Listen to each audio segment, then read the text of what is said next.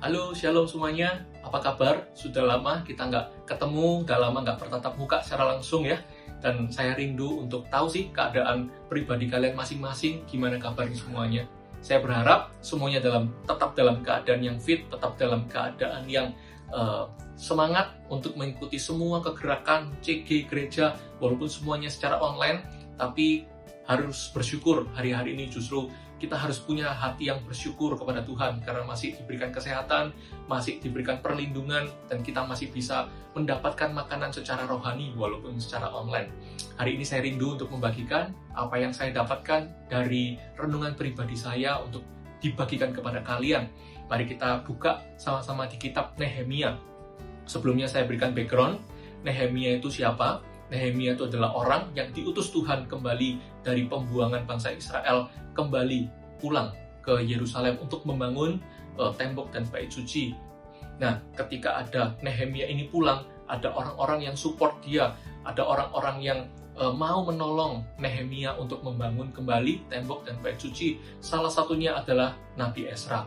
Nah, kita lihat di sini bahwa uh, sudah lompat di ayat ke-8 uh, di pasal ke-8 nanti kita baca di pasal ke-8 ayat ke-6 Nah, sampai di titik ini, sampai di poin ini, kita tahu bahwa ketika ada orang-orang yang uh, punya hati untuk kerinduan untuk membangun kembali bait suci dan tembok-tembok ya Yerusalem dalam hal ini adalah uh, kerinduan untuk membangun hubungan kembali dengan Tuhan maka Tuhan mempersilahkan Esra untuk menemukan kitab suci kembali setelah lama sekian lama hilang uh, ditelan oleh zaman dan ditelan oleh Eh, lenyap, habis lenyap, maka ketika Ezra dan Nehemia itu punya kerinduan untuk membangun kembali, Tuhan mempersilahkan kitab sucinya ditemukan kembali di zaman Ezra setelah lama hilang. Nah, kita langsung baca saja di ayat ke-6 ya. Ezra membuka kitab itu di depan mata seluruh umat karena ia berdiri lebih tinggi dari semua orang itu. Pada waktu ia membuka kitab itu, semua orang bangkit berdiri. Lalu Ezra memuji Tuhan, Allah yang maha besar, dan semua orang menyambut dengan amin amin sambil mengangkat tangan.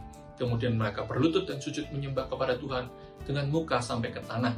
Bayangkan ketika kita itu membaca firman, ketika Injil diberitakan, ketika kita merenungkan firman itu, maka akan ada buah roh yang kita bisa lihat langsung dampaknya, yaitu adalah pertobatan. Setiap kita, ketika kita membaca firman Tuhan, ketika kita membaca uh, Injil ini, percayalah kita itu akan mengalami pertobatan baik kita sendiri sendiri secara pribadi yang mungkin membaca secara pribadi maupun ketika kita membacakan firman ini kepada orang lain maka orang lain pun juga akan mengalami pertobatan yang sama. Jadi hari-hari ini ayo kita harus tetap tekun setia dengan membaca firman Tuhan membaca kitab suci kita harus tetap setia ketika, karena ketika kita membaca kitab ini hari demi hari kita, kita akan mengalami pertobatan. Setiap hari kita mengalami pertobatan gitu ya. Jadi nggak ada manusia yang lepas daripada dosa, karena itu kita butuh untuk membaca firman Tuhan. Amin.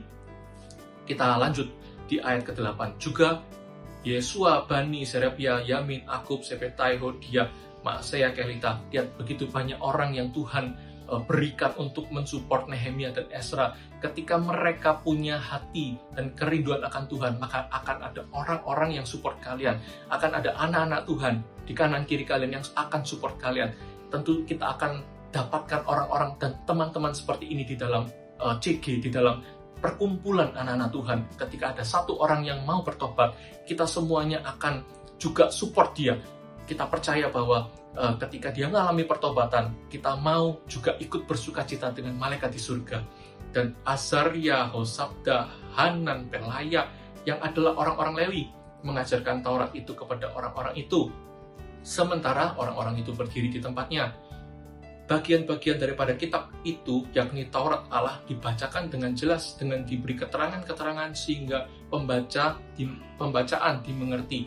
Memang perlu ya, ada orang yang membacakan firman, ada orang yang bisa membagikan firman Tuhan.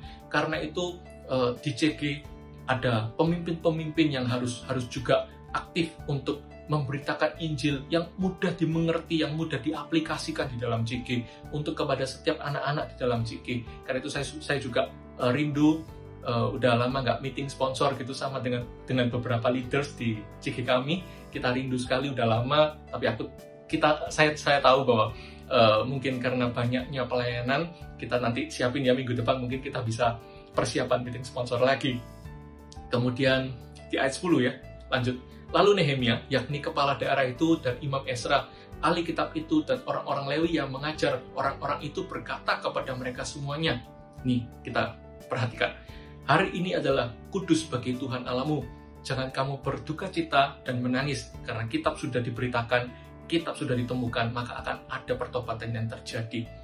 Karena semua orang itu menangis ketika mendengar kalimat-kalimat Taurat itu. Lalu berkatalah ia kepada mereka, pergilah kamu, makanlah sedap-sedapan dan minumlah minuman manis. Hah? Kenapa kok setelah selesai membaca Alkitab disuruh makan dan minum yang kayak kayak pesta kecil gitu ya, disuruh makan makanan yang enak, minuman yang manis-manis kalau mungkin kita tahu bahwa kehidupan kita ketika kita belum mengenal Tuhan, kehidupan lama kita, mungkin kita sering kan masih masih makanan juga makanan enak. Lalu apa bedanya dengan ketika kita sudah kenal Kristus? Tentu tentu saja berbeda. Dulu mungkin kita menikmati hidup tanpa mengenal Tuhan, hati kita itu kosong, hati kita hampa. Tapi ketika kita sudah kenal Kristus, maka apa pun yang kita nikmati di dalam Tuhan itu akan ada perasaan yang lega, akan ada perasaan yang yang terisi penuh hati kita itu sukacita rasanya sehingga bahkan ketika kita makan dan minum saja itu terasa enak terasa rasanya itu tidak ada beban dalam kehidupan ini meskipun hari-hari ini kita tetap merasa ada problema kita tetap merasa ada masalah tapi itu tidak membiarkan hati kita kecewa kepada Tuhan tapi justru kita marah malah merasa bersyukur ada Tuhan di dalam kehidupan kita bersyukur kita itu sudah kenal Tuhan sehingga apa pun masalahnya apa pun problema kita, kita tetap bisa menikmati hal-hal yang sederhana. Itu adalah buah yang kita dapatkan ketika kita mengikut Kristus setia kepada Tuhan. Poin kedua itu, kemudian kita lanjut. Um, sebagian kepada mereka yang tidak sedia apa-apa.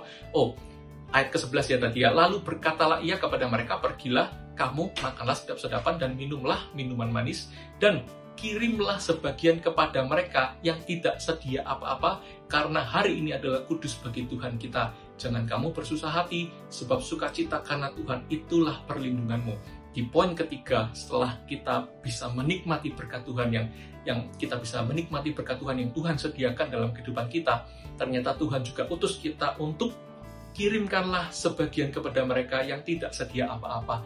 Kita diutus untuk memberkati orang lain juga ketika kita menerima Tuhan, kita mengalami pertobatan, poin yang pertama, dan poin yang kedua, kita bisa menikmati sukacita di dalam Tuhan. Dan yang poin yang ketiga, setelah itu kita juga diutus untuk memberkati orang-orang di luar sana yang masih belum mengalami apa-apa, yang masih belum mengalami pertobatan, yang masih belum mengalami sukacita dan pemulihan.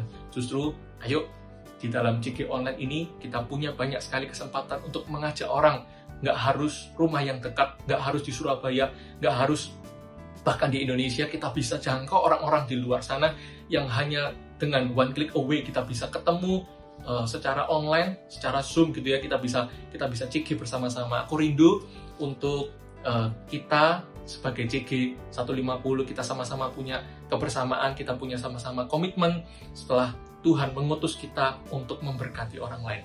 Dari tiga poin sederhana ini, saya rindu memberkati setiap kalian. Semoga memberkati firman ini sederhana ini. Dan God bless you. See you next week.